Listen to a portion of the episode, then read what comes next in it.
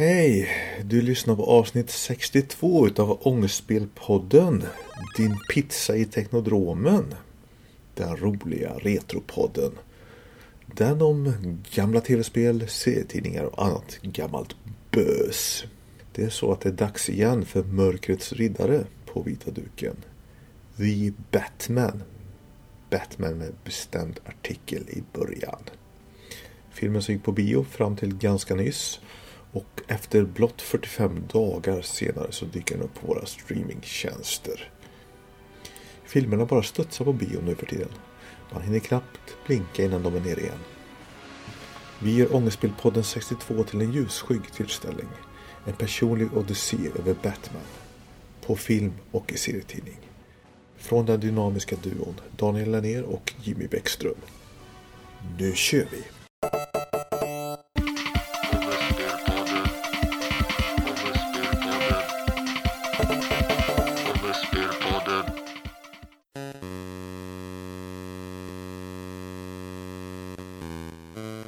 I samband med den nya Batman-filmen så föreslog Daniel att vi skulle berätta om våra egna tankar om denna mörkrets brottsbekämpare. Batman finns i flera mediaformer, spel, tidningar, film. Och jag kommer huvudsakligen fokusera på filmerna, även om några sidospår kommer att förekomma. Jag heter Jimmy Bäckström och detta är mina tankar om Batman.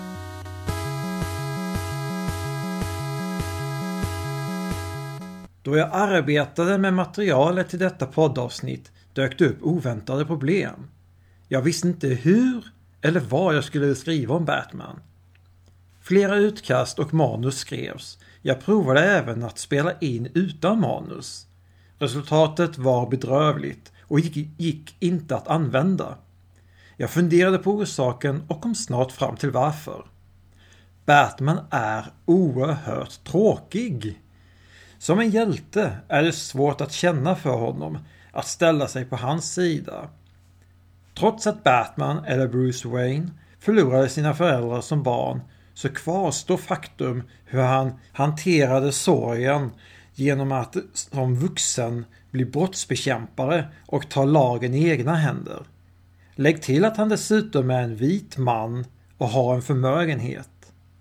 Vart går gränsen mellan Batman och exempelvis Lex Luthor? Tänker jag på filmerna så är det Tim Burtons första film om Batman som antagligen är min första bild av Batman som dyker upp. Antingen den eller Adam West färgglada uniform. Vad som inte går att förneka är att Batman och DC Comics i övrigt blir allt mer dystrare och mörkare för varje film. Maktkampen tycks uppstå mellan manusförfattare, regissörer och producenter om vem som kan göra den mörkaste versionen utan att passera åldersgräns på 18 plus. Tim Burtons Batman lyckades hålla sig på en mörk nivå genom Burtons tolkning av karaktären och världen. Filmen Joker överraskade starkt och var förmodligen fortfarande är den bästa filmen om Batmans eh, värld. Förklaringen var precis som många recensenter skrev redan då. Det är inte en typisk Batman-film. Det är inte ens en typisk DC-film. Fokus ligger inte ens på Batman utan istället på en bad guy som tragisk figur. Ett koncept som visar hur pass tråkig Batman egentligen är och att det är skurkarna som är det mer intressanta. Vilken skurk som varit bland favoriterna hos mig har hoppat mellan åren. Jokern var förmodligen en av de första på grund av Tim Burtons film. Jokern var också ett givande drag i den animerade Batman från 90-talet. Då varje gång han dök upp visste jag att det skulle bli ett bra avsnitt. För att nämna några andra karaktärer, eller skurkar, eh, som har varit bland mina favoriter är Mr. Freeze och Poison Ivy. Även Two-Face eh, har också förekommit. Samtliga av skurkarna har dykt upp i filmer. Men dessvärre har det varit av besvikelse. Men jag hade fortfarande problem med vad jag idag tänker om Batman, om hjälten. Hur har synen idag förändrats mot hur, hur jag har sett på honom som barn? Och senare. Jag valde att ta en paus från arbetet och startade ett spel till NES. Det var inte ett Batman-spel. Däremot var spelets karaktär inspirerat av Batman.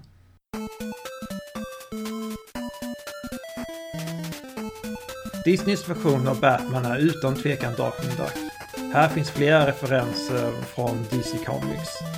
Darkwing Duck hämtar inspiration eh, även från andra håll, exempelvis hos den välkända spionen James Bond.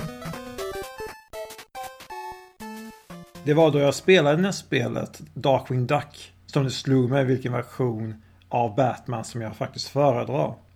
Och det är just parodin. Som tidigare nämnt är Batman egentligen en vit förmögen man som efter ett trauma väljer att ta lagen i egna händer och bekämpa skurkar. Denna One Man Army ses som problematisk i dagens läge. Han är ingen hjälte utan ett resultat av psykiska trauman som inte är behandlade. Batman är en karaktär som vi kan fantisera om att vara, känna oss som, inför orättvisa. Men han är ingen vi vill vara med eller träffa på, vare sig som Batman eller Bruce Wayne. Därför ser jag Batman idag bättre som en parodi. Eller som han ofta förekommer som ett meme. Men jag vill lägga till några saker innan protester kommer. Det finns bra historier om Batman som är mörka och allvarliga. Exempelvis kan vi ta Arkham Asylum. Den animerade serien har flera avsnitt med mörkare teman, ofta kretsande kring skurkarnas ursprung. Avsnittet om Mr. Freeze kan jag rekommendera. Ett avsnitt som tar upp Batmans påverkan och skurkarnas uppkomst rekommenderas också starkt. Där ställs Batman inför rätta på Arkham Asylum och det är skurkarna som är det drivande. Youtube-kanalen Legal Eagle analyserar avsnittet och jämför hur pass realistisk en amerikansk rättegång det är. Och jag kan bara säga att det är väldigt intressant och lärorikt. Så hur är det med filmerna? Som jag tidigare nämnde så blir filmerna allt mer allvarliga och mörka samt deprimerande. Skälen till att Burtons film intresserar mig ser jag genom att Burton lyckas hålla sig nära en allvarlig Batman genom att göra honom mörkare och placera hjälten i Burtons värld. På sätt och vis går det att säga att Burton målade Batman svart. Filmerna senare fokuserade på allvaret. Detta är ju inte helt sant. Vi har ju Joel Schumachers två filmer, Batman Forever och Batman Robin. Här är en färgfest och så låg grad av allvarsamhet att det blir fjantigt.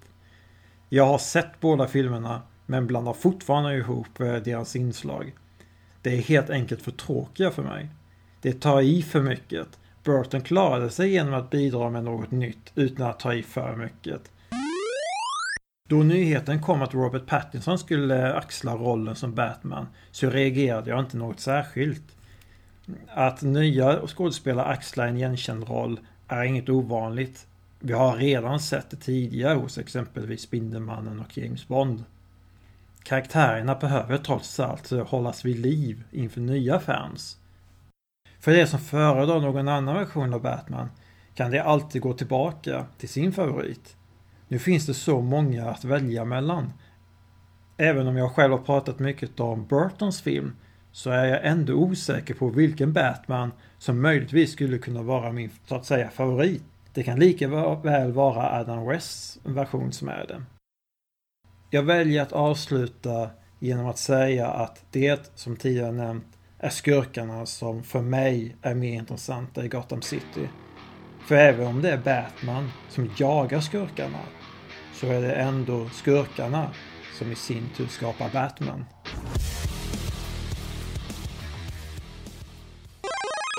Tjenare! Det är Daniel Lennér här. Vi byts åt lite, jag och Jimmy i det här avsnittet och eh, läderlappar ihop det i efterhand så att säga. Nu ska jag snacka lite personligt om min relation till läderlappen Batman och vad jag tycker om saker och ting egentligen. Här kommer en personlig genomgång av eh, filmerna. Batman the Movie från 1966. Pow! Biff! Shabang! Ljudeffekter som grafiska effekter över hela skärmen. Batman 66.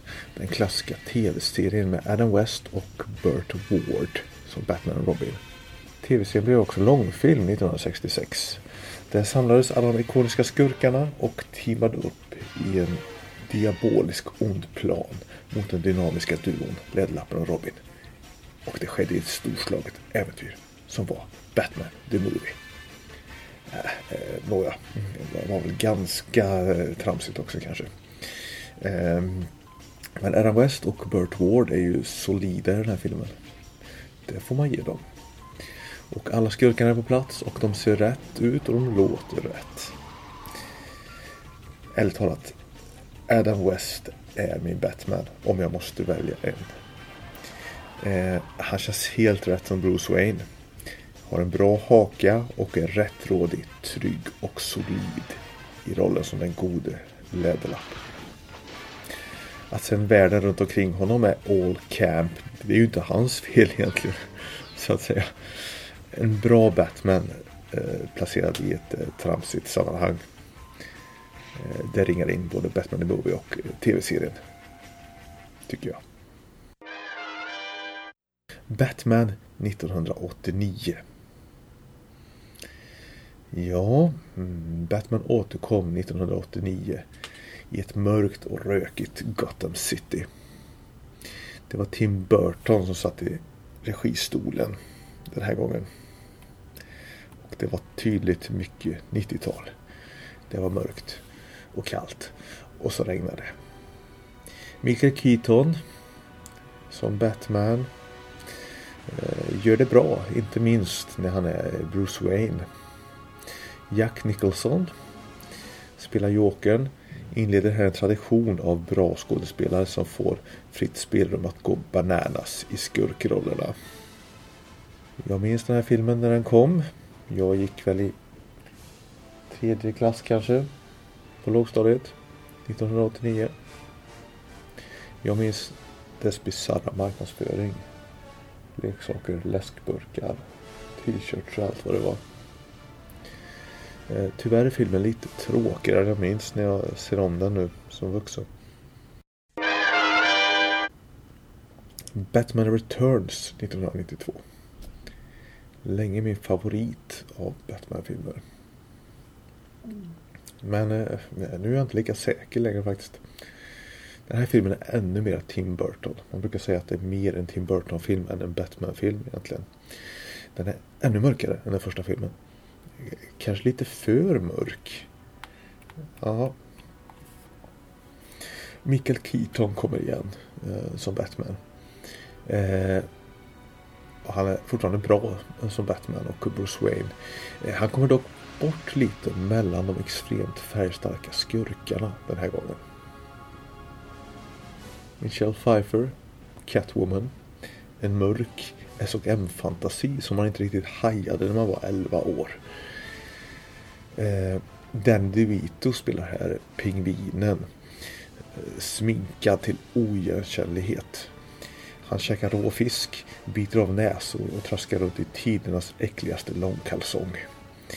Det finns också ett känslomässigt djup i den här karaktären och ett öde som liknar Batmans eget. Eh, pingvinen i den här filmen är nog tidernas bästa Batman-skurk på vita duken. Om man frågar mig. Han är svårslagen. Batman Forever 1995. I den här filmen blir allt en färgsprakande flumfest av glänsande latexgummi och färgat neon. Val Kilmer spelar här min kanske minst favorita Batman i min kanske minst favorita Batman-film. Jim Carrey och Tommy Lee Jones eh, Gåtan och Dubbelansiktet eh, tävlar här om vem ska spela över mest. Eh, oklart vem som vinner där. Eh, lämnar upp till er att avgöra tror jag. Om ni vill se om eh, den här eh, från 1995. Batman och Robin 1997. George Clooney spelar Batman i den här fjärde filmen i den här 90-talsserien av filmer. Eh, ser okej okay ut, beter sig som flumfarfar men är bra som Bruce Wayne är väl min sammanfattning. ungefär. Eh, övrigt så bjuder den här filmen på mera färgsprakande eh, flumfest. Eh, groteskt överspel, inte minst av Arnold Schwarzenegger i egen hög person. Som här är helt blå och ondar stenhårt som den onde vetenskapsmannen Mr. Freeze.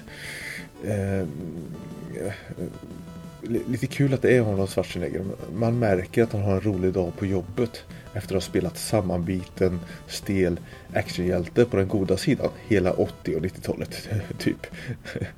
Kul att göra en skurkroll som omväxling, förstår man. Ärligt talat så finns det inte en enda seriös replik i hela filmen eh, Batman och Robin. Det är en väldigt fjantig film eh, det här. Eh, snygg production design däremot. Ett väldigt fantasifullt Gotham City med jättelika statyer och svindlande broar och viadukter. Och det är färg, färg, färg. Allt dränks i neonljus och färgsprakande ljussken. Emma Furman bör nämnas. Hon är fantastisk som Poison Ivy. Eh, tycker jag allt. Eh, det dyker även upp en wrestlare. Eh, Robert Jeep Svensson eh, som Bane. Eh, han gick tragiskt bort samma år, 1997. Blott 40 år gammal. Eh, det pratas mycket skit om Batman och Robin. Eh, men eh, jag skulle nog säga att eh, man går all in på att göra en rolig film med högt tempo. Och det kan jag tycka att man lyckas rätt bra med. Eh, Batman och Robin må vara en utskälld film, men lite på felaktig grund. Eh, man har ju gått all in på en serietidningsfilm här och eh, eh det får man. Sen kom då Christopher Nolan-trilogin med Christian Bale i huvudrollen. 2005 till 2012 kom den här filmtrilogin. Jag såg om alla de här filmerna inför den här podden faktiskt. Jag kände att jag behövde fräscha upp minnet. Vissa av dem hade jag faktiskt bara sett en gång. För ganska länge sedan. Eh, och jag har faktiskt, jag har faktiskt omprövat min syn på några av de här filmerna eh, nu och gillar dem lite mer. Den första filmen, Batman Begins från 2005 den är väl överlägset bäst får man lov att säga. Den etablerar allting med Batman och förankrar Batman tydligt i verkligheten.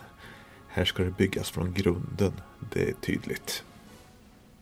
Liam Neeson gör sin... Liam Neeson är väldigt bra som mentor slash skurk som Res Al Ghul. Som sagt, allt ska förklaras, allt ska härledas och allt ska förankras.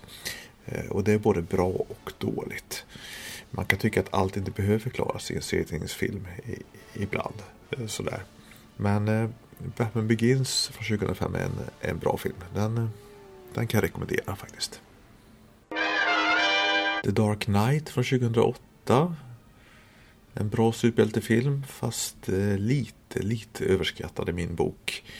Framförallt är den lite för lång, lite för mörk och full med stickspår. Man hade kunnat renodla den här storyn med Jokern betydligt mer och bättre. Heath Ledger som Jokern är såklart minnesvärd i den här filmen. Kanske hans bästa prestation i karriären. Eh, fast Jokern är inte med riktigt så mycket som folk tror faktiskt. Eh, eh, när man ser om den så tänker jag på detta. Tänker också på att den är lite för lång och lite för snårig. Ja, bra film. Bra Batman-film men långt ifrån den bästa. Tycker jag. The Dark Knight Rises från 2012 hade jag bara sett en gång innan jag påbörjade arbetet med den här podden Eh, det är väl den sämre i den här trilogin av eh, Batman-filmer. Eh, Tom Hardy som Bane pratar med rolig röst. Det är ju lite kul. Bruce Wayne har svårt att greppa i den här filmen. Det har gått några år sedan förra filmen. Bruce Wayne har blivit en surgubbe med käpp som går runt och gaggar. Han kommer igen sen men ja inte, inte jättebra. Lite för långa, lite för mörka filmer med lite för mycket realism, lite för lite roligt serietidningsäventyr tycker jag. De här tre filmerna verkar vara lite en generationsmarkör. Är man lite yngre än mig och Jimmy, född i slutet på 80-talet, kring början på 90-talet kanske, eh, så avgudar de de här filmerna och tycker att de är jättebra. Vi som är lite äldre tenderar att tycka att de är lite mörka och lite långa och lite tråkiga. Verkar det som. Tycker jag. Batman v Superman Dawn of Justice från 2016. Ja, det här är ju ingen Batman-film, men en film med ganska mycket Batman i, i sig. Det får medges. Eh, jag ska inte prata så jättemycket om den, för det har vi redan gjort, nämligen. Eh, vi gjorde ett dubbelavsnitt om den här filmen i och med Ångestspelpodden 34 och 35. Men sammanfattningsvis så gjorde Ben Affleck, Batfleck, en ruskigt stabil Batman i en ganska förvirrad, eh, konstig film. Eh, det finns riktigt ikoniska Batman-scener i den här filmen. Bland annat montaget där Batman tränar och testar utrustning för att plocka ner Superman en gång för alla. Det är faktiskt en av mina favoritscener med Batman någonsin.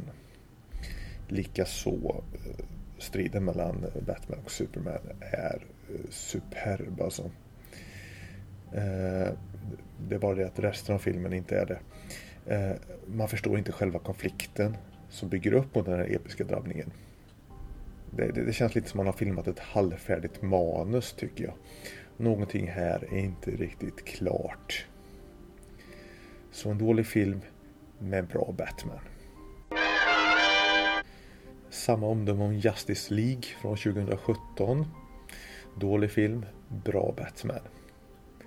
Det här var faktiskt en film som blev något bättre av att klippas om i en fyra timmars version i och med Zack Snyders Justice League som kom förra året. Det är inte många filmer som blir bättre av att klippa om i dubbelt så långa versioner, det kan man säga. Väldigt synd att Ben Affleck inte fick en egen Batman-film och fick blomma ut alena med den här karaktären. Tycker att han är bästa Batman sammanfattningsvis. Bäst Bruce Wayne-gestaltning Eh, bäst dräkt, eh, bäst haka, mest attityd. En lite äldre, lite bittrare Batman visserligen, men det, det är väl så jag vill ha min Batman. Antagligen. Då har vi jobbat oss fram till den nya filmen. Den senaste filmen. The Batman. Batman med bestämd artikel från 1922. En ny Batman-film allredan. Vem har bett om det? Jag vet inte faktiskt. Lite som Jimmy pratade om i sin krönika inledningsvis så är det lite svårt att förankra Batman i en modern värld. Det, det funkar liksom inte riktigt. Eh, fast det gör man i den här filmen. Det är mörkt och det är seriöst. Det är väl de två grundläggande orden egentligen. Mörkt och seriöst kan man säga. Jag har sett den här filmen två gånger. Den finns på streaming nu för tiden, som sagt. Eh, jag blir inte riktigt klok på den, faktiskt. Det är det här med dualiteten i Batman-karaktären som jag brukar snacka om. Batman och Bruce Wayne. Batman ser ball ut och eh, mörkar på, ondar sig. Eh, är den här mörke hämnaren Eh, det är bra men Bruce Wayne Bruce Wayne är ute och cyklar å det grövsta kan jag säga. Det är väldigt svårt att greppa Bruce Wayne i den här filmen. Eh, vem han är, vad som motiverar honom. Det finns inte mycket alls där. Bara liksom eh, bitterhet, ångest och hat. Eh, det är en riktig emo-Batman vi möter här. Som åker runt på motorcykel på nätterna och lyssnar på grunge-musik. Eh, ja... Gotham City har nog aldrig varit en så här mörk plats eh, som det är nu. Eh, det är mörkt och det regnar eh, konstant. Filmen på mycket... Filmen på... Filmen, filmen påminner mycket om Seven faktiskt. Eh, det är lite samma typ av film. Det är en mörk mordgåta liksom. Eh, skurken Gåtan har här stöpts om till en psykotisk eh, skurk. Som hade passat mycket bättre i filmer som nämnda cellen och liknande. Batman får här vara detektiv. Han kuskar runt på olika brottsplatser. Och polisen håller honom och polisen låter honom hållas. Han har liksom frikort överallt. Kan komma och gå som han vill. Det finns häftiga scener som är bra i den här filmen naturligtvis. Men som helhet landar den tyvärr ganska platt. Den är på tok för lång. Nästan tre timmar. Och jag är faktiskt glad att jag inte såg den här filmen på bio. Eh, det krävdes typ tre kvällar och ta den lite bit för bit. Det, det blir tungrot när det är så mörkt. Så mörkt och så seriöst allting. Var är glädjen i Batman? Var är, var är serietidningsursprunget? Var är liksom det, det, det, det häftiga? Det, det, det positiva? Eh, det onda mot det goda. Här finns liksom bara det onda. Tyvärr, tyvärr, tyvärr måste jag säga att den här nya Batman-filmen Det är nog den Batman-film jag gillar allra minst. Det innebär alltså att den här filmen eh, skulle vara sämre än Batman Forever och Batman and Robin. Eh, och det, det är den kanske inte eh, faktiskt. Men jag ser nog faktiskt hellre om de här två filmerna än den här senaste filmen faktiskt. Den, de får mig lite mer på bättre humör. Faktiskt. Jag vet inte vad jag missar. Vad som gör att folk tokhyllar den här filmen. Det är säkert någonting som jag inte ser eller inte förstår. Eh, det är någonting som folk verkar gilla med den här skildringen. Men eh, för mig så finns det betydligt bättre versioner av Batman på vita duken. Eller skulle man säga på svarta duken kanske.